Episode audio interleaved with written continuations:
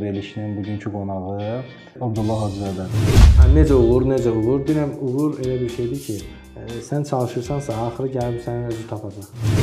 Yəqin, yəqin ki, ölməmək. Geri qayıdıram. Sənin çox çox işin var desən.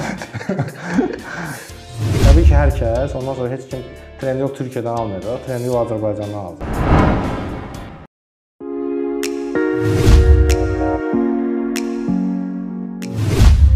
Hacızadə Abdullah Rafailoğlu 1996-cı ildə Bakı şəhərində anadan olmuşdur. 179 saylı məktəbi bitirib İqtisadiyyat Universitetində təhsil almışdır. Ecom Soldier-un üzvü və Promedia Group şirkətinin SMM şöbəsinin rəhbəri kimi fəaliyyət göstərir. Hal-hazırda subaydır. Dəyərli izləyicilər, salam. Sizi Biznes kanalımızda salamlayırıq. E, İşinin peşəkarı verilişinin bugünkü qonağı Comsolder e, komandasının üzvü və Promedia Group e, şirkətinin SMM şöbəsinin rəhbəri Abdullah Hacızadədir. Abdullah bəy, xoş gəlmisiniz. Sağ olun, xoş gördük. Abdullah bəy, e, özünüzü izləyicilərimizə təqdim edərdiniz. Abdullah Hacızadə kimdir?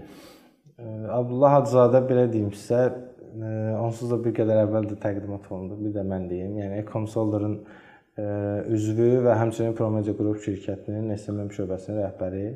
Ə, Ecomsolder mən belə deyim sizə, e-commerce ilə məşğul olan bir ə, necə şirkətdir və Ecomsolder e-commerce ə, təhsili verən bir şirkətdir. Promedia Group isə mənim yəni illərdə çalışdığım həm Avto FM-in 107.7 Avto FM-in və Space 104 FM-in menecmenti ilə məşğul olur. Bəli, e, Promedia qrupla biz yaxından tanışıq, əməkdaşlarla yaxından tanışıq. Həqiqətən e, peşəkar komandadır.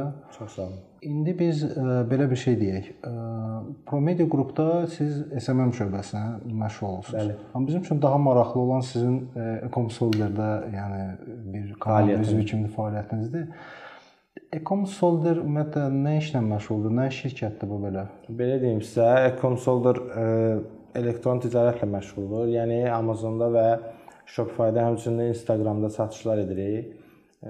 Amazon deyəndə yəqin ki, çox adam tanıyır, amma Shopify düzdür Azərbaycan üçün bu sahədə məşğul olmayan insanlar üçün yəni çox da elə də tanınmır, amma Amazonu əksər adamlar tanıyır yəqin ki və biz də həmin platformalarda satış edirik. Yaxşı, Abdullah ki, belə danışaq. Bu nə deməkdir? Yəni ki, mən Azərbaycanda otururam Bəli. və Amazonda alış-veriş edirəm, bu mənə verir. Xeyr. Yox, yəni ki, mən satış, satış edirəm. Bəli, bəli, satış edirsiniz. E, belə mən sizə izah edə bilərəm hər e, iki platform. Yəqin Instagramı çox adam bilir. Yəni qısaca Instagramdan başlasam, Instagramda bir, satış edirsiniz. Bəli, bəli. Yəni 1-2 2-3 cümlə ilə Instagramda satışı izah etsəm, belə deyim, biz e, Instagramda onlayn brendin yaradılması ilə məşğuluq.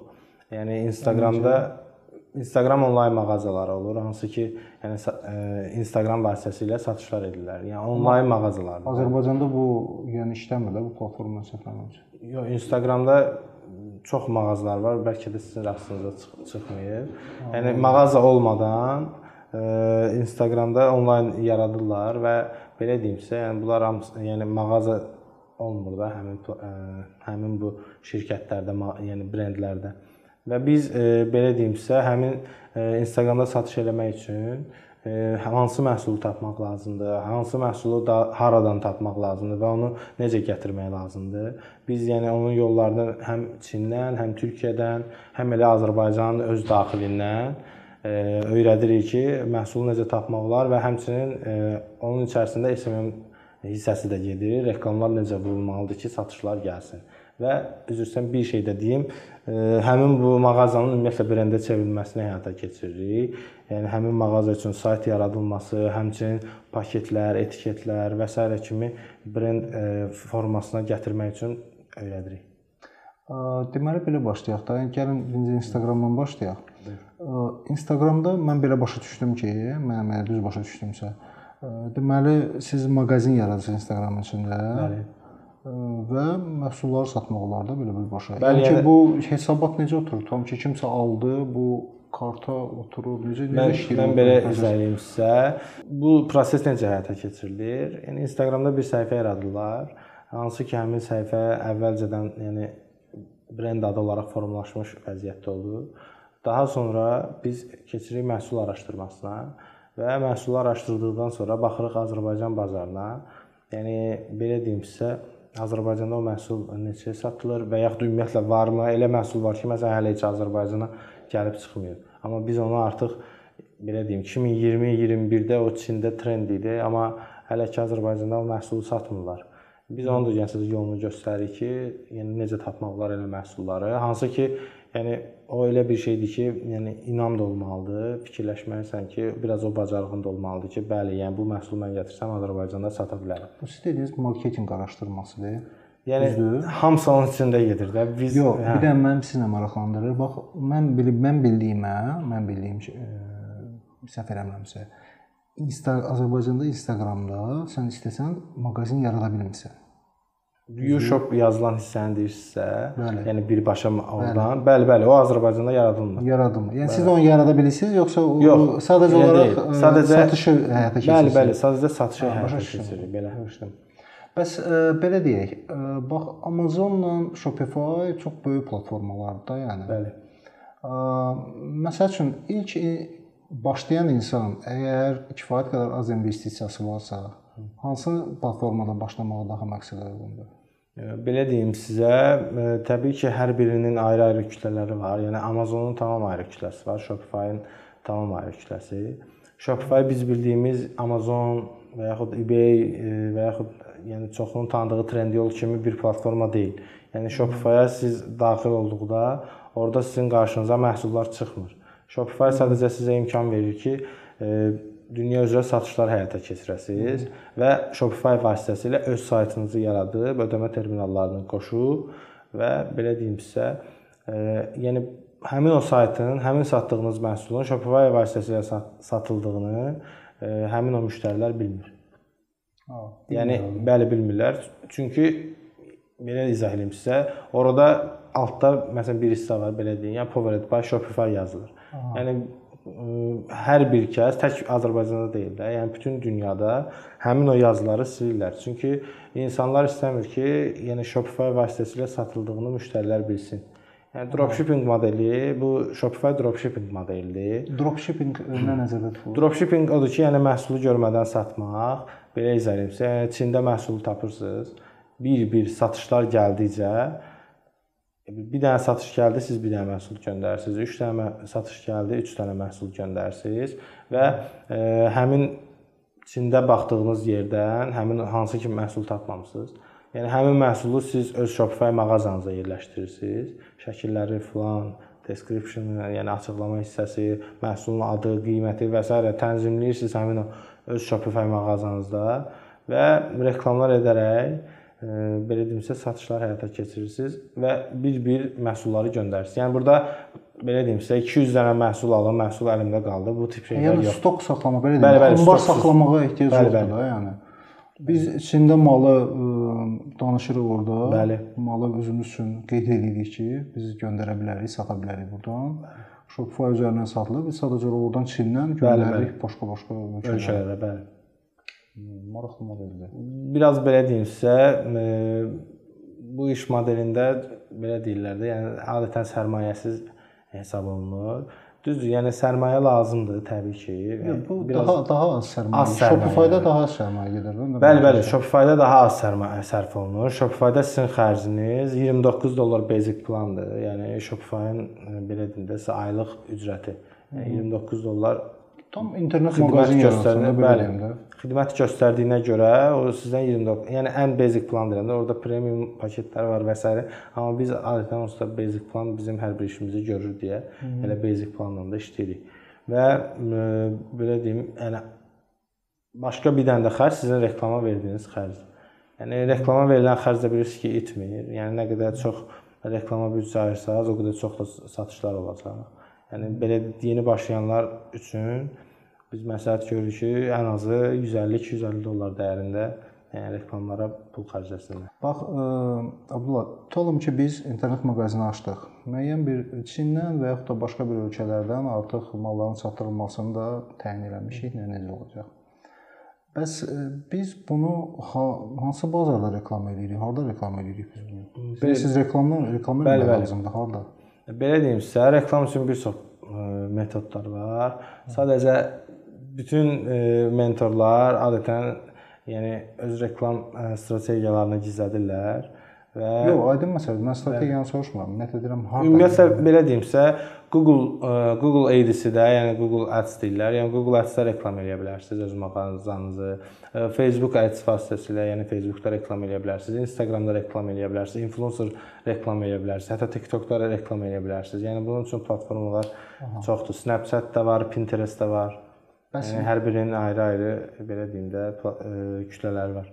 Bəs belə deyim, əgər biz misal üçün də ə, elədik onu, axı burada konkret bir ölkələr seçmək lazımdır. Yəni bütün dünyanı eləyə bilməzsən. Eləyə bilərsən, yəni burada büdcə büdcə məsələsi yəni, var. E, belə deyim sizə, bizim öyrətdiyimiz reklam strategiyası vasitəsilə, yəni bizim öyrətdiyimiz bizim metodlarla belə deyim, ən sərfəli metod məsələ bizim metoddur. Yəni bunu yenə də deyirəm, heç bir mentor adətən açıqlamır, çünki bizim tələbələrə öyrətdiyimiz ən əsas pik nöqtə yəni budur.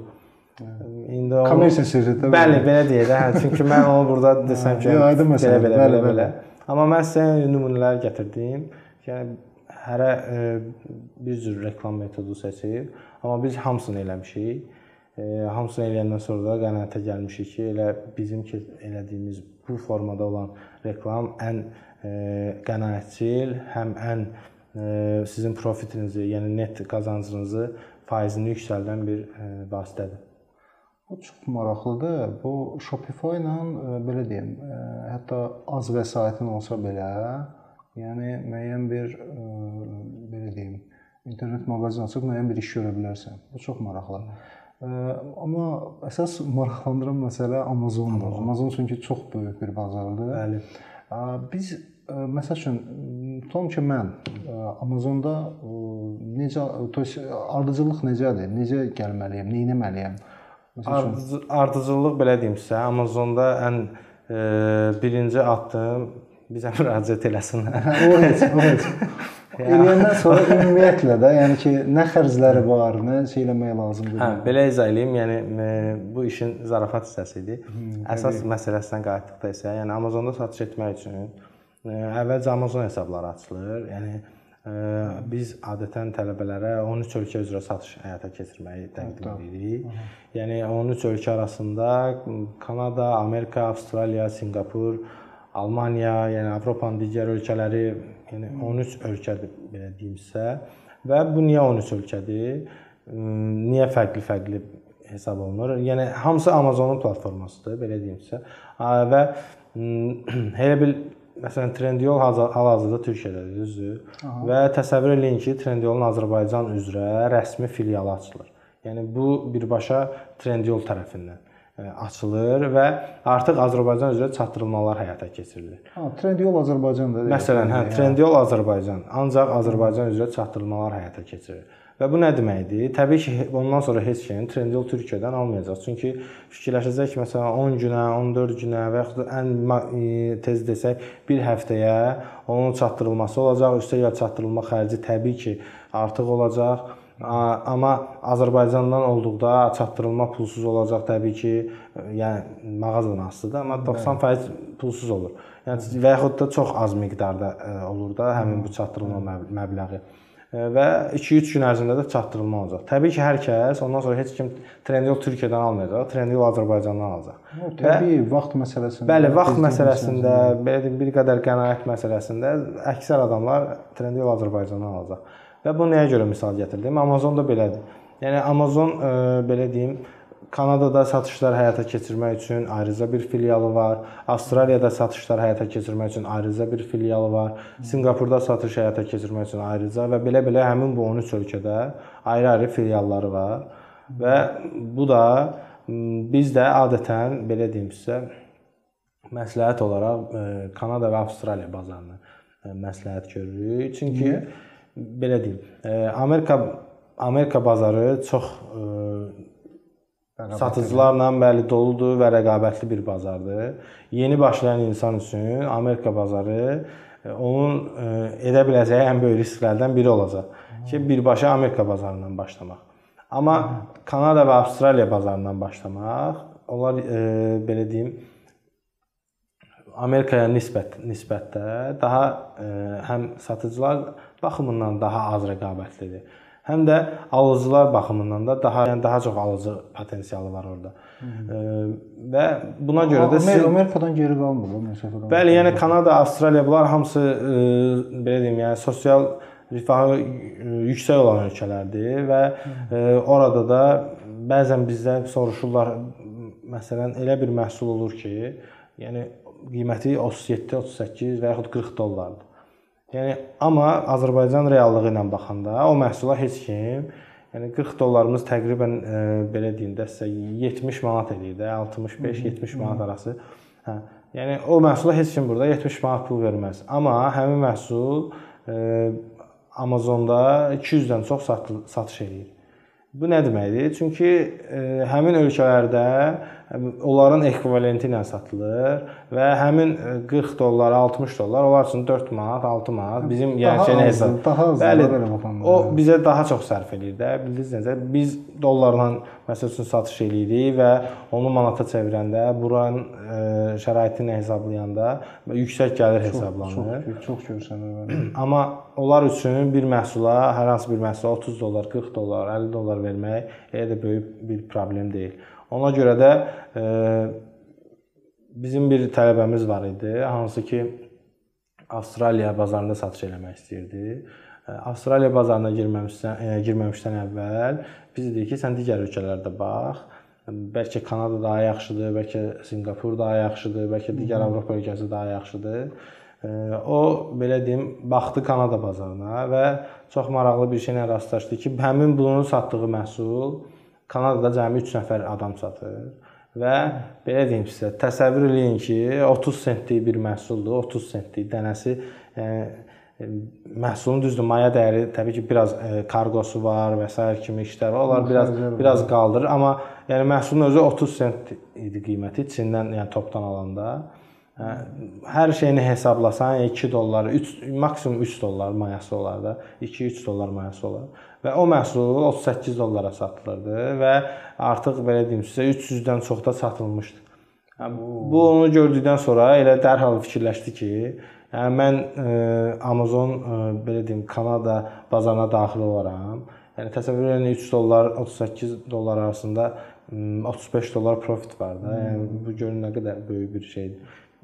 10 dənə satanda 350 dollar eləyir. Yəni 100 dənə satanda 3500.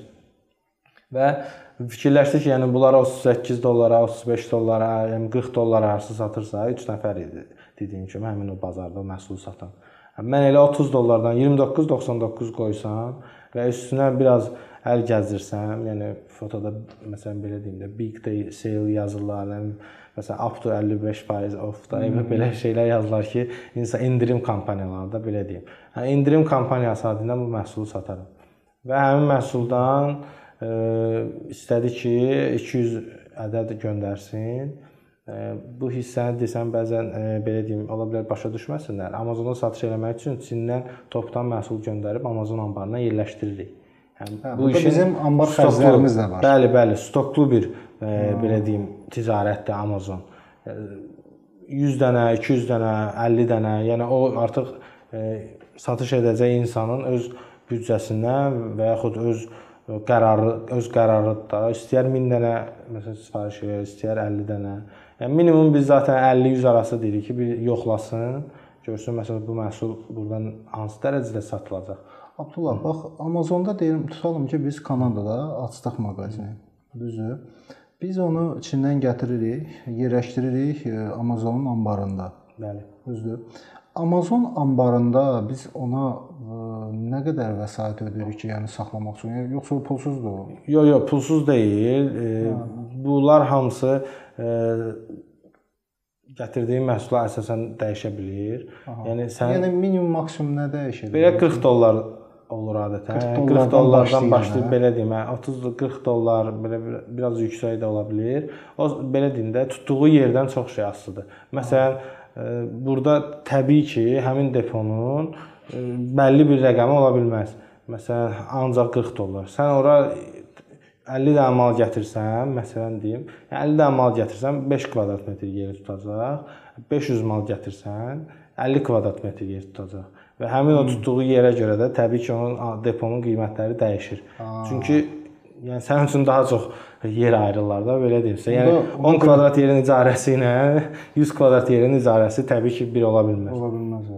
Və həmçinin orada e, biz adətən e, məsləhət görürük ki, e, məhsul seçimində diqqət yetirsinlər. Elə də çox ağır məhsullar olmasın. Çünki kiloqrama görə kargo e, ücrəti ödəyilir, yəni kargo pulu ödəyirlər. Yəni elə elə məhsul olsun ki, həm yaxşı məhsul olsun, həm çox yer tutmasın. Düz biraz kriteriyalar var. hə ki, yəni çox şey istəyir elə. yəni bu olmasın, olmasın, olmaz, amma bunlar hamısı belə deyimsə bizim tərəfimizdən ələkdən keçirilərək gətirilib. Yəni bizdə olub ki, məsələn, səhv olub, fikirləşmişik görmüşük ki, xərclərimiz daha çox çıxdı. Oturub fikirləşmişik ki, hə bax bu olmasın, bu olmasın, bu olmasın. Ən idealı budur. Yəni, yəni öz təcrübənizdə yoxlayırsınız da konkretni. Bəli, bəli, öz təcrübəmizdə. Yəni, çünki real olaraq pul itirib yoxlayırsınız ki. Bəli, bəli. Yəni təbii ki, bu belədir. Və bizim digər mentorlarımız da həm Cabbar bəy, həm Zaur bəy Yəni bu bu işin içində artıq 4 ildən çoxdur ki var hmm. və bizim Shopify mentorumuz, həmçinin hə, hamımız zaten həm Amazona, həm Shopify-a baxır, amma sadəcə belə deyimsə, bizim e, bir bir pillə məsələn biri Shopify-da daha güclüdür, biri Amazonda belə məsələlər var. Hmm. Yəni mən özüm açığı desəm, Shopify haqqında daha çox şey bilirəm, nəinki Amazon. Hmm. Yəni mən Amazonu məsələn 70%, 80% bilirəmsə, Zaur bəy 100, bəlkə də 1000% bilir. Hmm. Amma Shopify baxımından isə düzdür, Cabbar bəy məndən də yaxşı bilir. Hə. Çünki vaxtilə həmin e, mənim mentorum elə Cabbar bəy olub. Mən Ekonsolderun vaxtikən tələbəsi olmuşam. E, sadəcə göstərdiyim e, nailiyyətlər deyək və e, mənə öyrədilənləri vaxtında qavradım və tətbiq eləməyin digərlərindən üstün oldu deyə e, nəticədə mən artıq dəvət aldım və Ekonsolderun birgə Sən maraqlıdır. İnşallah mən bəylərdə görsəydik bizdə verilişdə çox maraqlı olardı. İnşallah detal detallı onlardan soruşaq bu məsələləri. hə, belə. Bəs belə deyim. Bax, başqa bir platformalar da var da, digər eBay və digər digər platformalar. Məsəl üçün Alibaba, WooCommerce var, ATCA var. Hə, yəni, yəni ki, çoxdur bu şeylər. Hə. O o birlərdə nəsə bir ə, giriş imkanları varmı o bir? Bəli, əlbəttə ki, var. Məsələn, bu dəqiqə Azərbaycanda bəlkə də ə, daha çox populyar populyar olanlardan eBay dropshippingdir.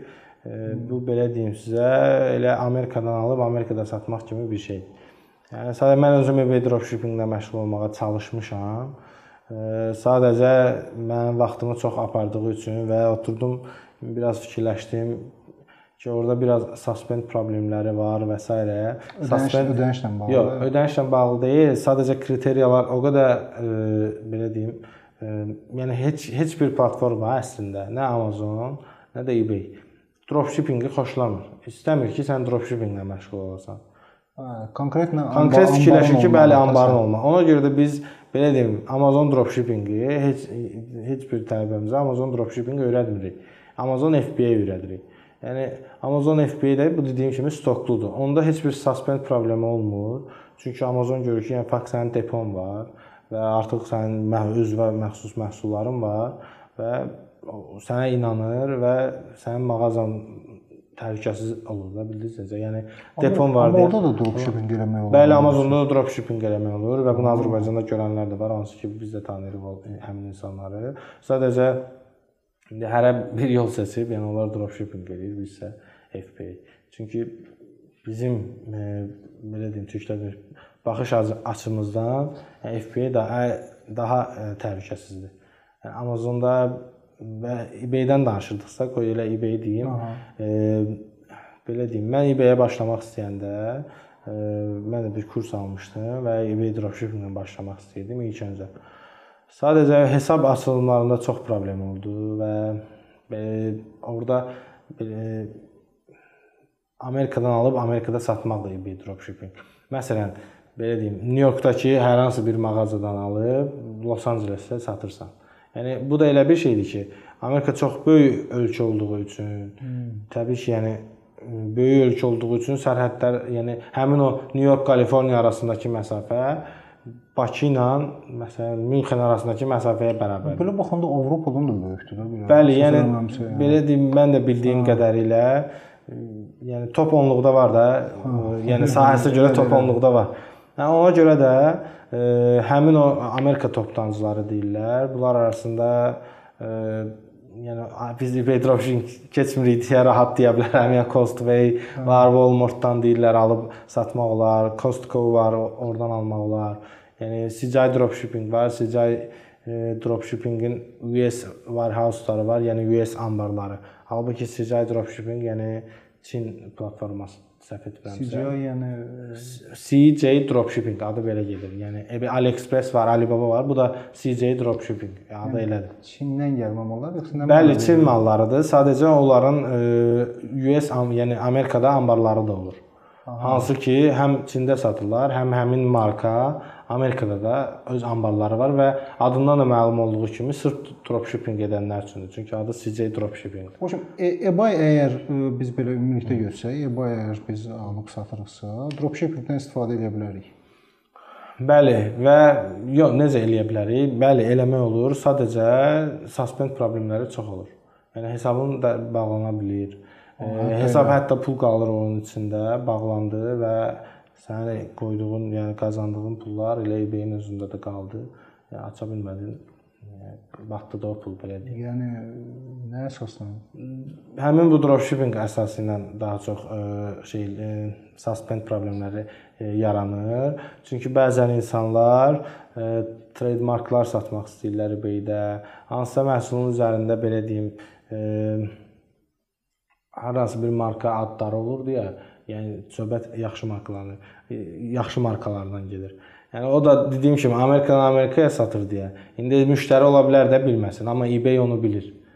Bildiniz necə? Çünki tutur söhbəti ki, yəni sən dropshipping eləyirsən və hər hansı bir məşhur brendi alıb satmaqdır. Belə belə necə? Yəni suspend problemlərindən biri də odur. Yəni mən indi ola bilər nəyisə səhv deyim. Çünki mən cəmi 15 gün maraqlanmışam eBay dropshippingdən. 15 maksimum 18 gün ərzində. Ən azından bəli, indi belə deyim sizə, e, ola bilər ki, bizi izləyənlər məsələn fikirləşsin ki, məsələn nəyisə mən eBay barəsində sırf e, səhv danışıram. Bu ola bilər. Çünki e, eBay təcrübəm elə də deyil, elə də çox deyil. Təbii ki, təcrübəm olmadığı halda da səhvlərim ola bilər. Amma bildiklərimi az çox, yəni təməl bilikləri belə deyim sizə bilirəm. Və orada ən böyük məsələlərdən biri də məni sırf bu mənim öz şəxsi fikrimdir. Məni eBay-dən çəkindirən ilk başladığın anda 3 məhsul satma limiti qoymaqlarıdır. Yəni cəmi 3 məhsul mağazaya yerləşdirə bilərsən. Cəmi 3 məhsul. Yəni məsələn Shopify-da istəyirsən 500 məhsul yerləşdir, istəyirsən 10 min məhsul. Limit yoxdur. Limit yoxdur. Amma eBay-də həmin limit var. Abdullah, bax, gəl belə fikirləşək. Biz internet mağazini açdıq və yoxdur hansısa bir platformada artıq hər bir şeyi qurmuşuq. Bəs bunun digər bir tərəfi ə, yəni pulun bizə çatmağıdır. Bəli. Bu proses necə gedir? Belə deyim sizə, bu bu məsələlər hansı ki, məsələn, satdığın, ödədiyin, daha doğrusu qazandığın pulları çıxarma məsələsi. Bəli bizdə bu Stripe vasitəsilə həll olunur. Yəni Stripe belə deyim, ödəmə terminalı rolunu oynayır. Məsələn, PayPal var, Payoneer var, hansı ki, belə deyim, xaricdən gələn ödənişləri qəbul etmək üçün bir vasitədir. Stripe də bir onun kimi Stripe, bir platformadır. Stripe də bəli, onun kimi bir vasitədir və Hı. daha güvənlidir və müştərilər tərəfindən belə deyim sizə daha e, yəni məhsulu alanda bilir ki, yəni bu Stripe-dir, Stripe vasitəsilədir, daha güvənli olur. Çünki Stripe sənə ona bir öhdəlik verir ki, sənin bu məhsulun mütləq gəlib sənə çatacaq. Çatmadığı halda, yəni belə deyim sizə, məsələn məhsulu məndən alıb, mən ona məhsulu göndərmirəm. Yəni deyirəm ki, məsələn fikirləşirəm ki, yox da göndər. Yəni olur da olmur, yəni olmamalıdır daha doğrusu. Ola bilər. Amma şey kimsə də, məsələn kimsə fikirləşir ki, hə nə yaxşı, Məsələn 5 dənə məhsul, 10 dənə məhsul satmışam 50 dollardan 500 dollar. Tutalım 2 qat hesablasaq 250 dollar al alıb göndərməliyəm də, düzdür? Hmm. Məsələn özündə fikirləşir ki, qoy göndərməyim də. Onsuz məsələn onlaynda hər şey. Yəni o bilmir ki, məsələn kimə mən necə deyimsə, yəni hara ödədi, hansı kartı ödədi, kart məlumatları yoxdur falan. Amma Stripe o zəmanəti verir ki, sizin məhsulunuz çatacaq, çatmadığı təqdirdə ödədiyiniz pul geri qayıdacaq. Yaxşı, bəs hardan bilir ki, o çatmayıb? Və oradakı adam anlada bilər axı. Deyə bilər ki, mənə çatmayıb. Yox, belə deyim sizə. Ə, həmin o reviewlar var, yəni komment kommentlər var və tracking numberlər var. Sənə o ola bilər ki, məsələn desin ki, mənim məhsulum çatmayıb mənə. O müştəri məsələn deyir ki, mənim məhsulum çatmayıb. Yalandan məsələn deyir də hansı ki pulu geri qaytarmaq üçün. Sən isə ona həmin o ə, göndərdiyin hansı ki adresə göndərmisən, təbii ki, yəni hamı olur da, AliExpress-dən və hardansa orada yazır ki, məhsul çatdı. Çatdı. Bəli, sən də onu göndərsən ki, buyur mənim yəni məhsulum çatıb. Yəni adətən belə deyim, çox elə problemlər açıq heç biz də qarşılaşmamışıq. Yəni 80-90% yəni qarşılaşmamışıq ki, e, kimsə məhsulu məxul göndərməsin və yaxud göndərsin, müştəri desin ki, göndərməyib. Yəni belə şeylərə elə çox rastlaşmamışıq. Ona görə də həmin bu Stripe belə deyim sizə bizim həmin o ödəmə terminallarını qoşmaq üçün birbaşa yəni müştərilərin belə deyim inancını formalaşdırmaq üçün bir vasitədir. Yəni biz də ə, həmin o Stripe-dır və həmçinin bura belə bir şey də deyim. Ödənişləri qəbul etmək üçün biz bank kartı da açırıq və həmin bank kartını, yəni həmin pullar həmin bank kartına oturur, xarici bank kartı, transfer vaiz bəli. Bəs belə deyim, Stripe PayPal-ın bir analoqudur da, yəni ki, eləmirəmsə eyni eyni formada işləyirlər onlar.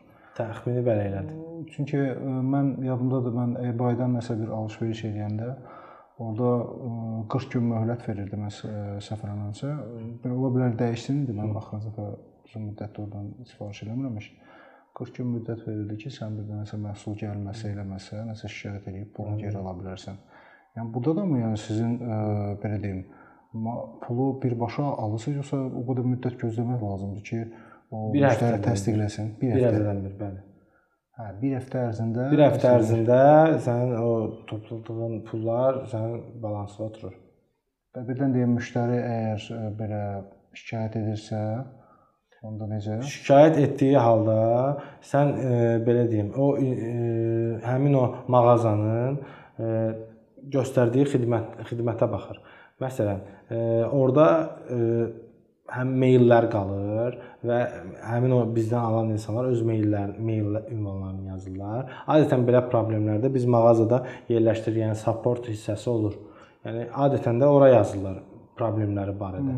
E, təbii ki, elə olduğu halda sən öz brendini formalaşdırmısan və fikirləşirsən ki, həqiqətən yəni bu mağaza vasitəsilə mən dünya üzrə satışları həyata keçirib öz öz adımı, necə deyim, öz brendimin adını yaxşı yaxşı e, cəhətdən formalaşdıracağam.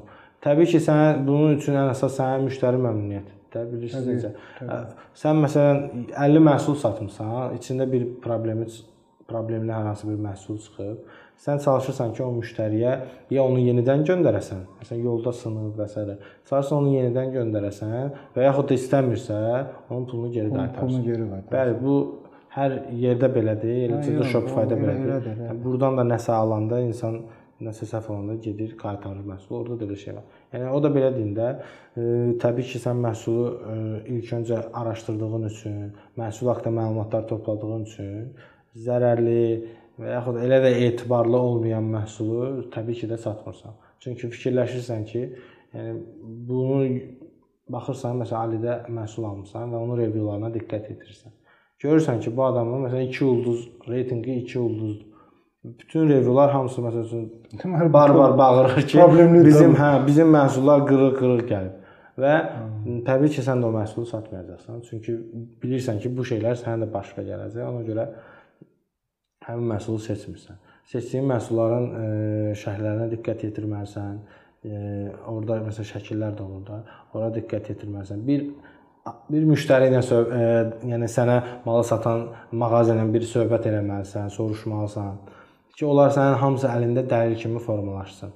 Nəsə bir hal baş verəndə təbii ki, yolda qırılıbsa, o sənə şəkil göndərirsə və sən onun pulunu qaytardı, qaytarırsansa, eləcə sən o şəkli götürüb AliExpress-də eynisini sən eləyirsən ki, bax mənim məhsulumu göndərib. Yəni sənin orada itirəcəyin məsələn 25 dollarlıq mal 50 dollara satmısan, düzdür?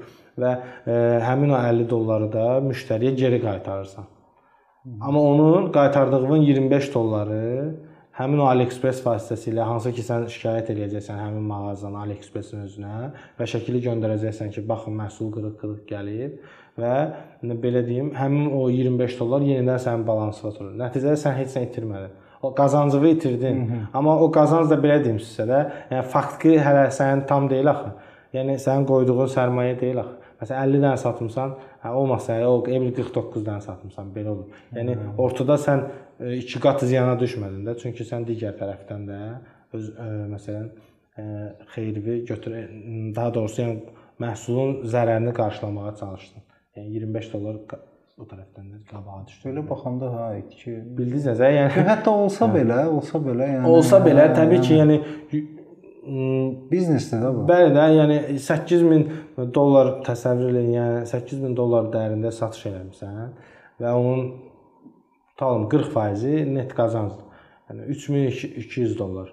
Yəni 3200 dollardan yəni 25 dollar nə dərəcədə yəni əhəmiyyətli. Düzdür biznes baxımından desək 1 sentin belə əhəmiyyəti var. Hı. Amma bu olası şeylərdir də. Sən bunu da nəzərə almasan, yəni bir dənə 2 dənə. Nəzərə alınmayan xərclər. Bəli, bəli. Yəni onların arasında inanın ki, yəni onların arasında 20-25 dollar heç gözə görsənmir. Yəni fikirləşsən ki, olsun problem deyil. Abdullah, gəl belə deyək. Bax biz demək olar ki, bütün etaplardan keçdik. Bizdə bax biz əgər məsəl üçün Kanada ərazisində açmışıqsa, yəni hüquqi baxımdan mən soruşuram. Kanada ərazisində açmışıqsa, onda elə çıxır ki, biz Kanadaya Kanada vergi ödəyicisi kimi çıxış eləyirik, yoxsa necə? Belə deyirsə, onlar hamısı Amazon öz, özləri tərəfindən həll olunur və Amazon hə, özləri, fee, bəli, özləri. Amazon fee deyilən bir şey var, yəni Amazonun vergisi. Bildiniz? Yəni Amazonun özünə həmin o depodan əlavə də pul ödəyirik. Çünki tək depo ilə iş bitmir də. Amazon bizim məhsulu hə. qablaşdırır. Öz Amazon nə belə deyim, qutusu formasında, yəni qablaşdırır. Üstəgəl onu öz e, kuryerləri vasitəsilə müştərilərə çatdırır. Yəni bizim burada görəcəyimiz Amazonda belə deyim. Bəs e, ona görə bax verilişin əvvəlində də mən demişdim. Hər birinin özünə məxsus cəhətləri var. Yəni Amazonun bir məsəl üçün müsbət cəhəti var və mənfi cəhəti var bir şeydə tutalım. Və Shopify-ın həmçinin bir müsbət və bir mənfi cəhəti var. Bunlar nədəndir? Nədən, yəni nələrdir? Baxın, Amazonda e, tutalım sərmayəniz olmalıdır, məsələn, mal almaq üçün, düzdür? E, təbii ki, bu sərmayə də mal e, seçəcəyiniz məhsuldan asılı olaraq dəyişir. Da yəni 30 sentə də məhsul tapan var, 5 dollara da tapan var. Təbii ki, 5 dollardan tutalım 100 dənə məhsul alsanız 500 dollar sərmayə qoyacaqsınız. 1 dollardan 100 dənə məhsul alsanız 100 dollar. Yəni bu artıq sizin öz seçiminizə e, daha doğrusu yəni sizin öz seçiminizdir bu sərmayə. E, və belə deyim, və heç bir iş görmürsüz. Nə mənada? Sizin e, çətinliyiniz məhsulu tapıb toptancı ilə danışıb, içindəki toptancılarla danışıb, o məhsulu sağ-salamat həmin o depoya çatdırıncadır. Depoya çatdırdıqdan sonra e, bizim sosial şəbəkələrdə bir videomuz da var idi bununla bağlı. Yəni belə həm yumor xarakterli bir e, video rolik idi. Biz göstərmiş, yəni Amazon özü üçün orada qablaşdırıb, sən amma oturmusan kompüterdə kinoya baxırsan. Amazon özü üçün orada çalışır, sən pul qazanmağın üçün qaçır, məhsulu çatdırır. Sən yenə oturmusan və yaxud e, popkorn yeyə, multfilmə baxırsan və yaxud çay içirsən və yaxud idmanla məşğul olursan. Yəni heç nə eləmirsən də. Artıq sənin o ə, e, çətinlik olacağın mərhələ gəldi Amazon deposuna çatdı. Hə, ondan sonra Amazon işləri sənin üçün görür. Bəs bütün logistika işlərini demək olar. Bəli, Amazon hamısını görür və həmin o ölkənin vergisi e, dəki e, məsələn kargo gələndə o gömrükdən keçməlidir. Gömrükdən keçməlidir. Yəni onun içindəki toplantılar hamısı hamısı həll edir. Və onlar hamısı həll eləyir. Yəni sən burdan nəsə eləmirsən də bildiniz. Hə, indi gələk Shopify-a. Məsələn Amazonda bu ə, e, sərmayə var, amma vaxt baxımından belə deyim, daha çox qazanırsan, amma Shopify-da elə deyil. Shopify sən təbii də bu. Yəni pul xərcləyirsənsə, vaxtın çox getmir. Pul xərcləmirsənsə, vaxtın gedir. Yəni Shopify-da elədir. Shopify... Özünü elə bil işçi tutsan da belə. Hə, bildim ya. Şey işi görsün sənə. Bəli, elədir, amma Shopify-da da belə deyim, yəni reklam verirsiniz, məsələn 200 dollar və e, siz daima çalışmalısınız ki, yaxşı trend məhsul tapasınız. Belə deyim, Amazonda bir məhsulla siz 8 ayda satış edə bilərsiniz, 10 ayda. Çünki top rated seller var da, yəqin ki, e, çoxları bilir. E, belə deyim, mağazanın ulduz ulduzları, yəni orada reytinq cədvəli nə qədər çox oldusa, həmin məhsulu axtarışa verəndə birinci sırada o çıxır. Sizin birinci sırada, ikinci sırada, maksimum üçüncü sırada çıxmağınız təbii ki, alıcılar da ki, məsələn mən içi mən qarışıq əksəriyyət yazda, məsəl üçün yazdıqda ora ki, tutalım belə deyim sizə, lampa almaq istəyir, yazır tutalım lamp.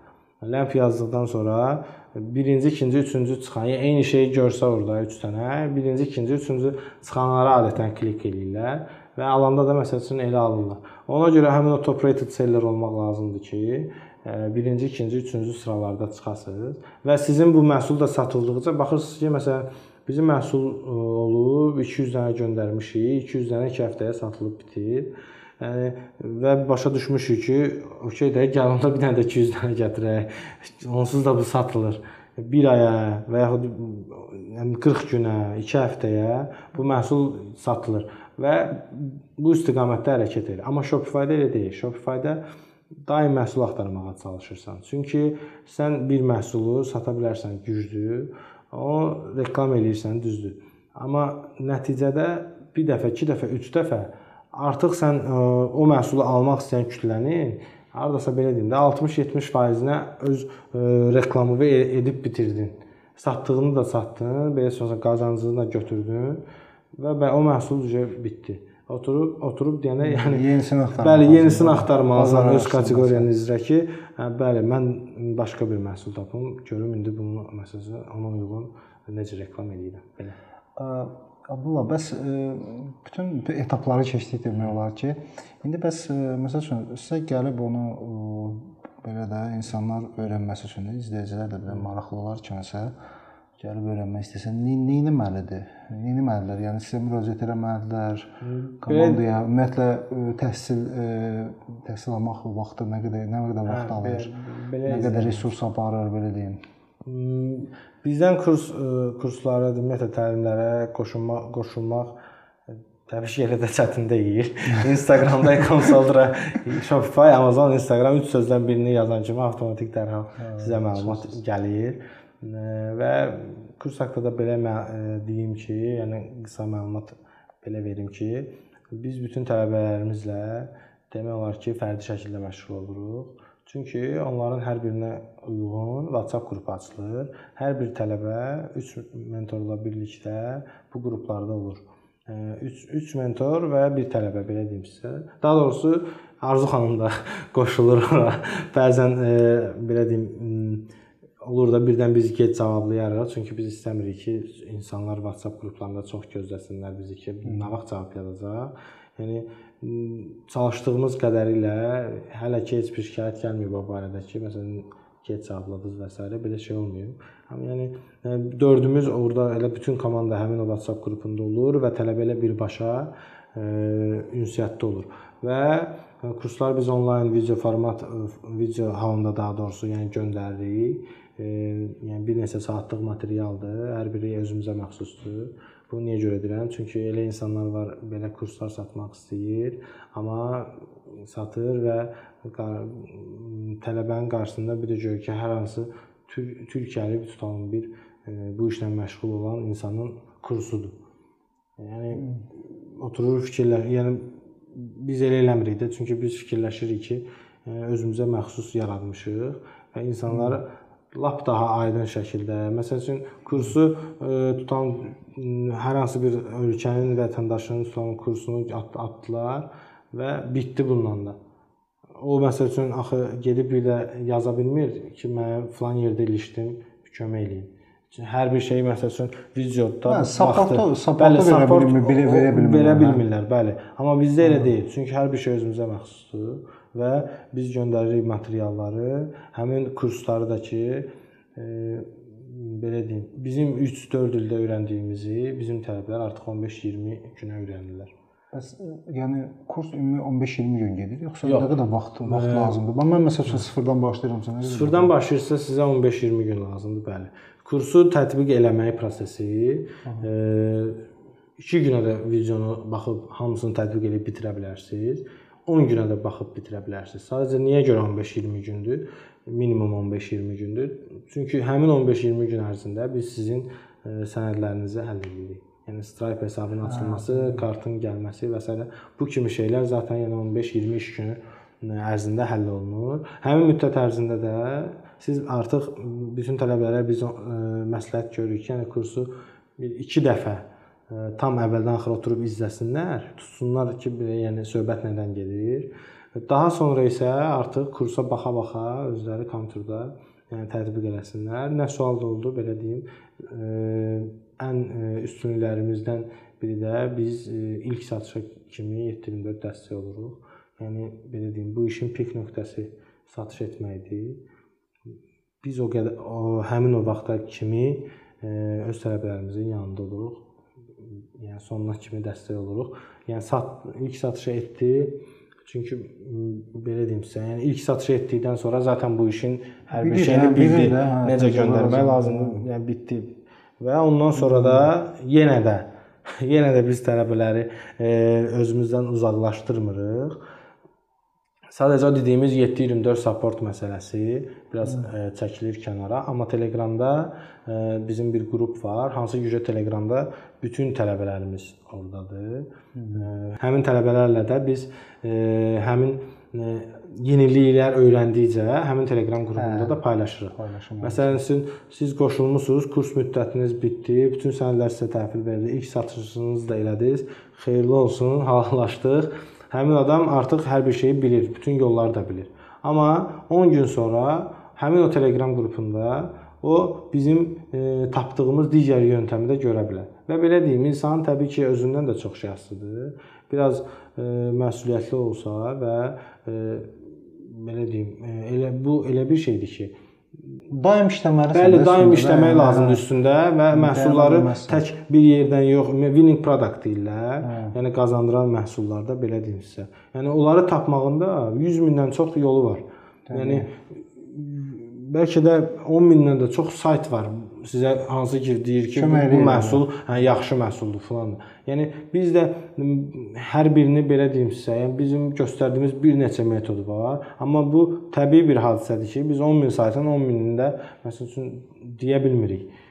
Ən yaxşılarını seçib deyirik. Amma elə olur ki, yəni bu bir belə deyim də sizə elə sayt var, onlar daima yaxşı məhsul verirlər. Çünki biz fikirləşirik ki, bəli, onlar daima yaxşı yəni winning produktlar təqdim edir. Elə məsəl üçün saytda olur ki, baxırsan risk içindən biri bəli, həqiqətən də yaxşıdır. Hə biz sürətli satış öyrə öyrədirik də. Yəni 15-20 gün içində təbii ki, ə, sən Shopify-ı 99%, 100% bilə bilmərsən ki, heç biz özümüz də 100% bilmirik. Təbii ki, bilmədiyimiz şeylər var. Yəni e, çünki yenilənir və bizim e, çalışırıq ki, həmin o bilmədiyimiz şeyləri də öyrənək və öyrənirik də. Biz də öz üzərimizdə işləyirik. işləyirik, Yəni təbii. boş dayanmırıq Elədir, yəni, elədir. bilirəm də hər şeyi. 99% bilirik. Amma Azər 1% elədir. hər bir şeydə var. Abla, ə, maraqlı ə, anlar olubmu? Məsəl üçün bu satış vaxtı müəyyən bir şey eləyirsiniz, bir də danışılacaq maraqlı bir hekayəniz. Ə, belə deyim sizə, mən istəyirəm ə, öz ə, ilk əvvəl başladığım bir uğursuzluqdan danışım. Bəzi insanlar öz uğurlarını danışmağı xoşlayırlar, amma mən heç vaxt onu xoşlamıram. Çünki uğur hamı qazana bilir, uğuru hamı rahatlıqla deyə bilir. Hə, Mən falan işdə uğur qazandım, mən falan işdə uğur qazandım. Hə, Əsas məsələ əgər öyrə öyrətmək istəyirsənsə kiməsə nə isə, ona görə sənə ilk öncə öz uğursuzluqlarını deməkdən qorxmamalısan. Çünki həmin o həqiqətən əgər öyrətmək istəyirsənsə, sən o uğursuzluğun səbəbini de ki, həmin öyrətdiyin adamda sənin o düşdüyün həmin uğursuzluq vəziyyətinə düşməsin. Sənin elədiyin səhvi eləməsin. Ona görə də mən çox vaxt mənə belə deyirlər, belə deyim də sizə biraz təvazökarlıqdan uzaq olsa da mənə məsələn görəndə də hər kəs yaxınlaşır və s. soruşur belə şeylər necədir falan. Çalışıram hər birinə də e, zamanımı ayırım və köməyimi eləyim. Amma necə olur, necə olur? Deyirəm, uğur elə bir şeydir ki, e, sən çalışırsansa, axırı gəlib sənin özü tapacaq. Sözü çox uzatmayım. Yəni məqsədi dedim ki, nəyə görə mən uğursuzdan başlayıram və e, belə bir şey demək istəyirəm. Mən bir e, Shopify vasitəsilə satış edəndə ilk vaxtlar idi. E, bir e, məhsul tapmışdım e, və özüm özlüyümdə fikirləşirdim ki, bu məhsul həqiqətən də yaxşı məhsuldur. Sadəcə oturduq, məsələn, mən də baxdım videosuna falan. Hə, doğrudan da yaxşı məhsuldur bir neçə yerdə də axtardım. Gördüm ki, yəni bunun profiti də yaxşıdır da. Məsələn, nə məhsuldur belə? İndi onu deyəcəm. E, bu məhsul lampa idi. Levitating lamp deyirlər. Aha. Yəni göydə uçur, bəlkə də çoxun qarşısına çıxıb. E bil belə gəlir, bəli. Belə gəlir və e, həmin o lampa havada qalır. Maqnit kimi. Hə, maqnitlə. Bəli, bəli, havada qalır və altında da e, belə wireless e, şarjer var da. Yəni telefon qoyursan zərtqə gəlir. Əslində maraqlı məhsuldur. Maraqlı məhsuldur. Mən də elə fikirləşmişdim e, ilk dəfə. Çünki hər bir şeyini analiz eləmişdim. E, hətta e, düzdür, mən e, o vaxt e, Ekonom Solderdə tələbə olanda e, həmin məhsulu tam olaraq Yəni fikirləşmişdim ki, qoy özüm eləyim də, bilirsiniz də. İnsan özümdə də o səhv olur da. Mən özüm də tələbələrə deyirəm ki, mənsiz heç bir iş görməyin də. Olur, bəzən e, insan faktoru bəzən elədir ki, baxır, baxır, özündə fikirləşir ki, "A, mən daha bilirəm də bu işin də, biləcəm, mən özüm də həll eləyərəm."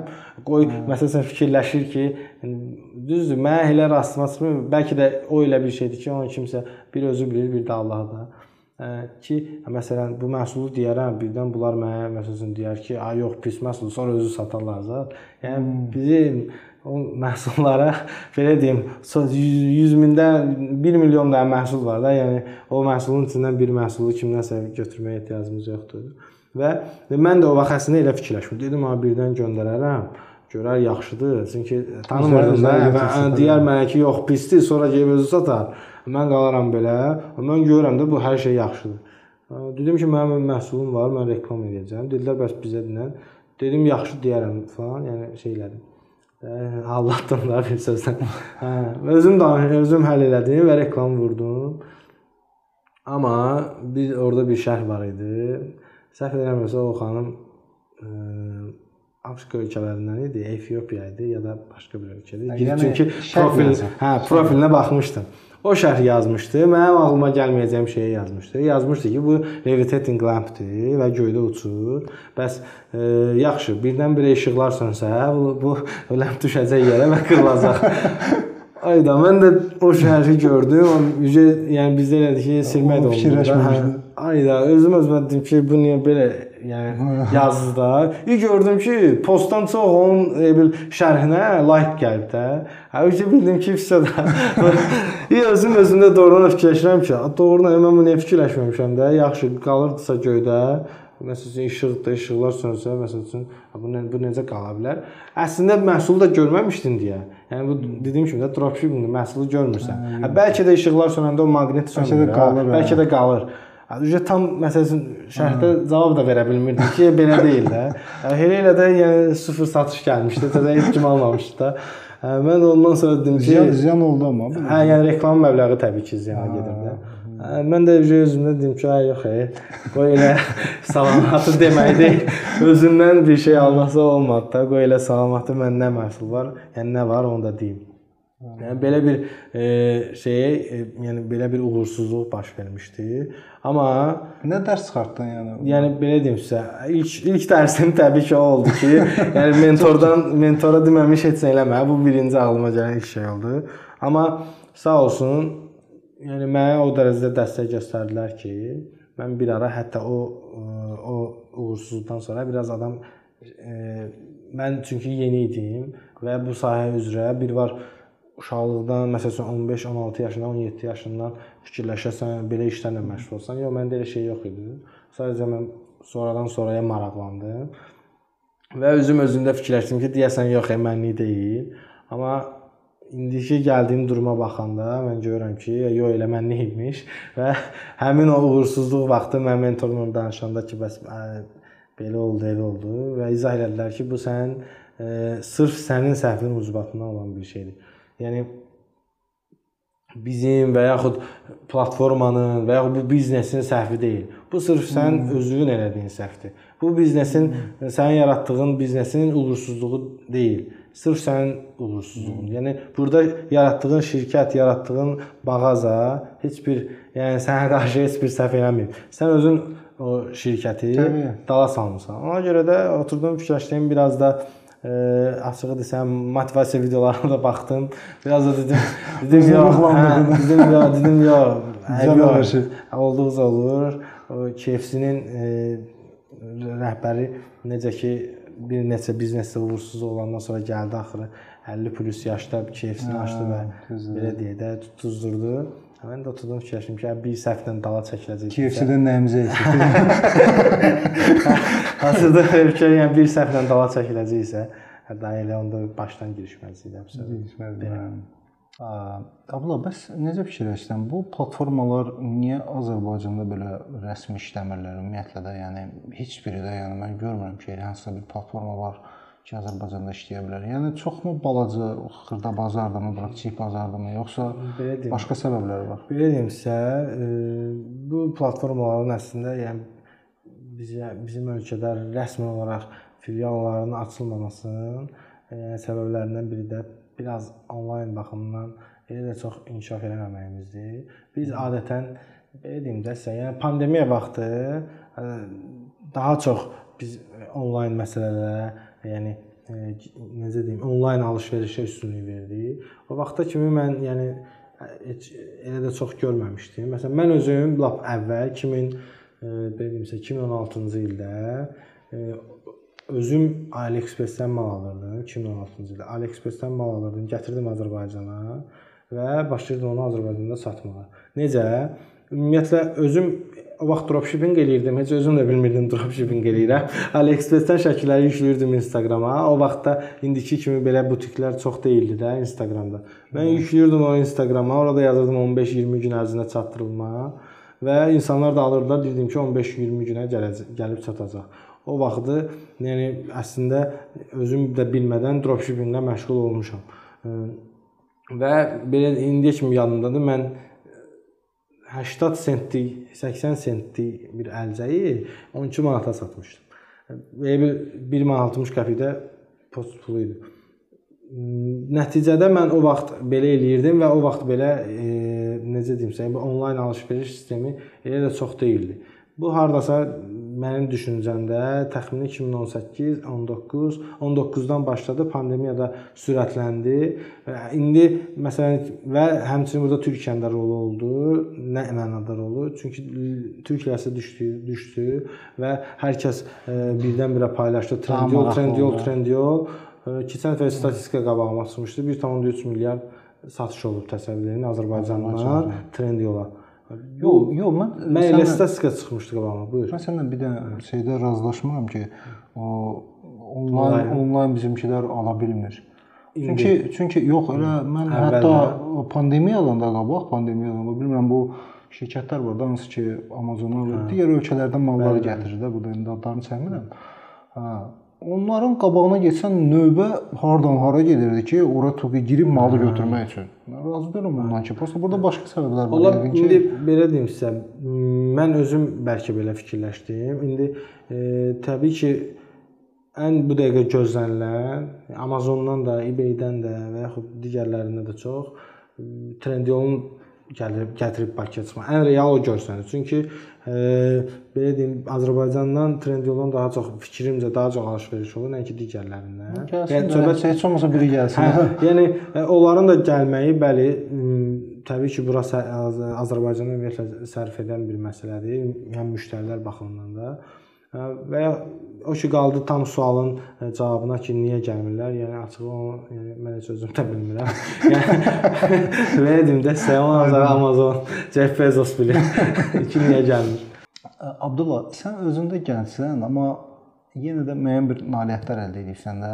Ümumiyyətlə özün e, bu təzə başlayan e, gənclərə nə məsləhət görərdin? Nəynəsinlər, ümumiyyətlə necə tapsınlar özlərini? Belə deyim sizə, mən e, özüm yaş baxımından isə mənim cəmi cəmi deyəni, yəni 24 yaşım var, 24 ha. 25 yaşım var özü. Həyat təcrübəsi var. 24-25 deyək də. Belə baxıram ki, ümumiyyətlə nədəsə, nəyəsə nail olmaq istəyirsinizsə, bu mənim həm e-commerce-də olan fəaliyyətimə aiddir. Həmçinin də Promedia qrupda olan fəaliyyətimə aiddir. Mən e, yeni gələndə ümumiyyətlə iş, iş həyatına belə deyək də, çünki əvvəl məktəb, sonra universitet, sonra hərbi xidmət, ondan sonra artıq başlayır iş həyatı. Və mən bu iş həyatına başlayanda Promedia qrupda səhvlərim hədsiz çox hədsiz çox idi.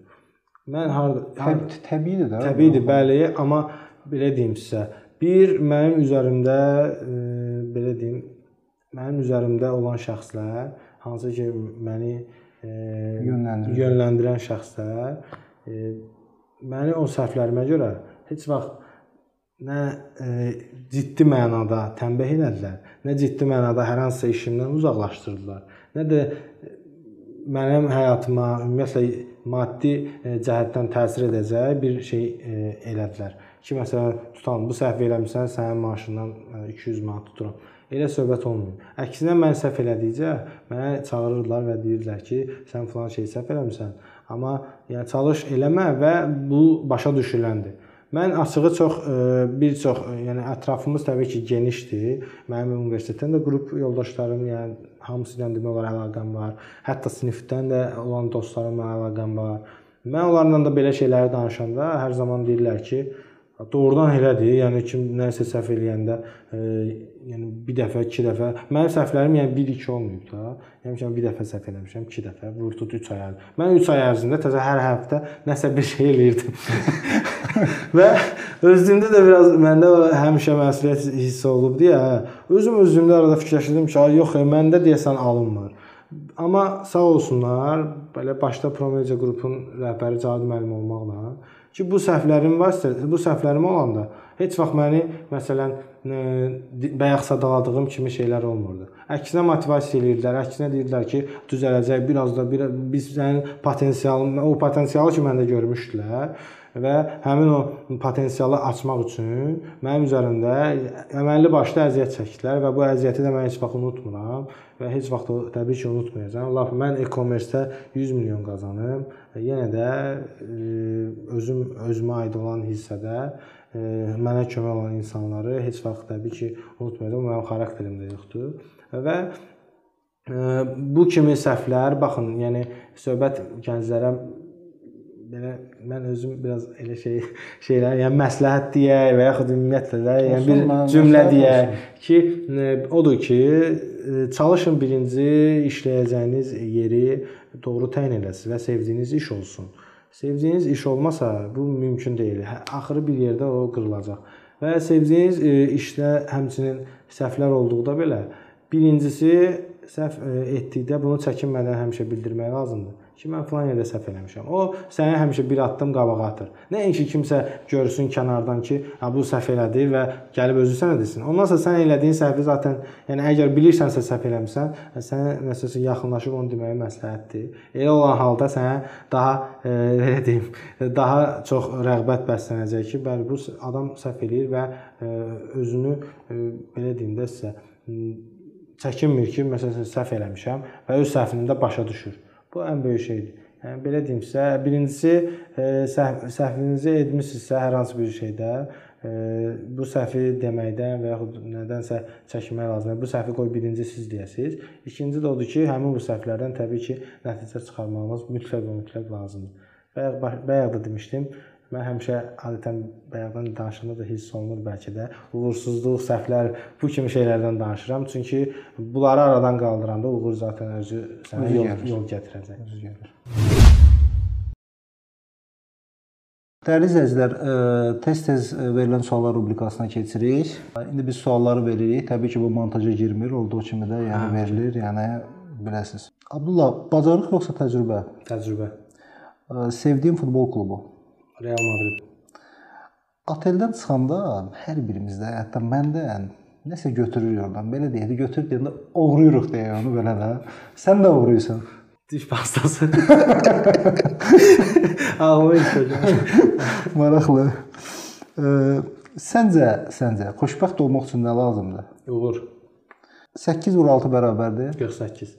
İlk sevdiyin xanımla harda tanış olmusan? Bağçada, məktəbdə, yoxsa işdə? Sosial şəbəkədə. Əgər yoluna telefonla gedənlərə necə baxsan? Yaxşı. Hansı kinoya baxıb təsirlənibsən? 1 Eylül masalı. Ə, Həyatınıza pozitiv təsir göstərən şəxsin adı? Sevdiyim şəxs. Sevimli avtomobil markanız? Porsche. Ən çox bir dəfəyə qazandığın məbləğ? 4000. Bəs ən çox bir dəfəyə itirdiyin məbləğ? 400 dollar. İndiyə kimi ə, hansı ölkələrə səyahət etmisən? Türkiyə. Bəs hansına səyahət etməyi planlaşdırırsan? İlk 3 dənə hansı ölkə var? İlk Hansı 3 istəyirsən? ölkə arasında satış etdiyimiz Kanada, Avstraliya və Sinqapur. Kanada, Avstraliya, Sinqapur, maraqlı. Ə, Ukrayna yoxsa Rusiya? Ukrayna. Uşaq vaxtı səni nə ilə qorxudurdular? Yəni Klonla. klonla. Qorxurdu. Bəli, klonla qorxmuşam. O vaxt şurumburum var idi ondan. Sevdiyin idman nədir? Futbol. Belə bir ə, məsələ olsa, birdən məsəl üçün sənə imkan yaradılsa, yaradıcı ilə görüşsən, ondan nə soruşardın? Buna tez cavab vermək biraz çətindir. Soruşaram ki, bir də geri qayıda bilərəm. Kontrast artıra bilərsən. Mən yəqin ki, bunu deyirəm. Su, Sudanın paytaxtı. Bilmirəm, deyirəm. Bu Xartum şəhəridir. Ə, Sənin qəhrəmanın kimdir? Nədənsə ağlıma halk gəldi. Ə, Gizli istedadın var və varsa nədir? Yəqin ki, yoxdur. Nə istedam, istedamım var, özüm xəbərdaram o istedamdan. Xəbərdarsan. Hansı super gücün olmağını istəyərdin? Yəqin, yəqin ki, ölməmək. Geri qayıdıram. Sənin çox çox işin var deyəsən. Ə, Bu gün həyatında son günün olsaydı nə işlə məşğul olardın? Yəqin ki, ailəmin yanında olar. Bax, əgər sənə indi bu dəqiqə 1 milyard dollar pul versək, 3 əsas nəyə dəyişərdin həyatında?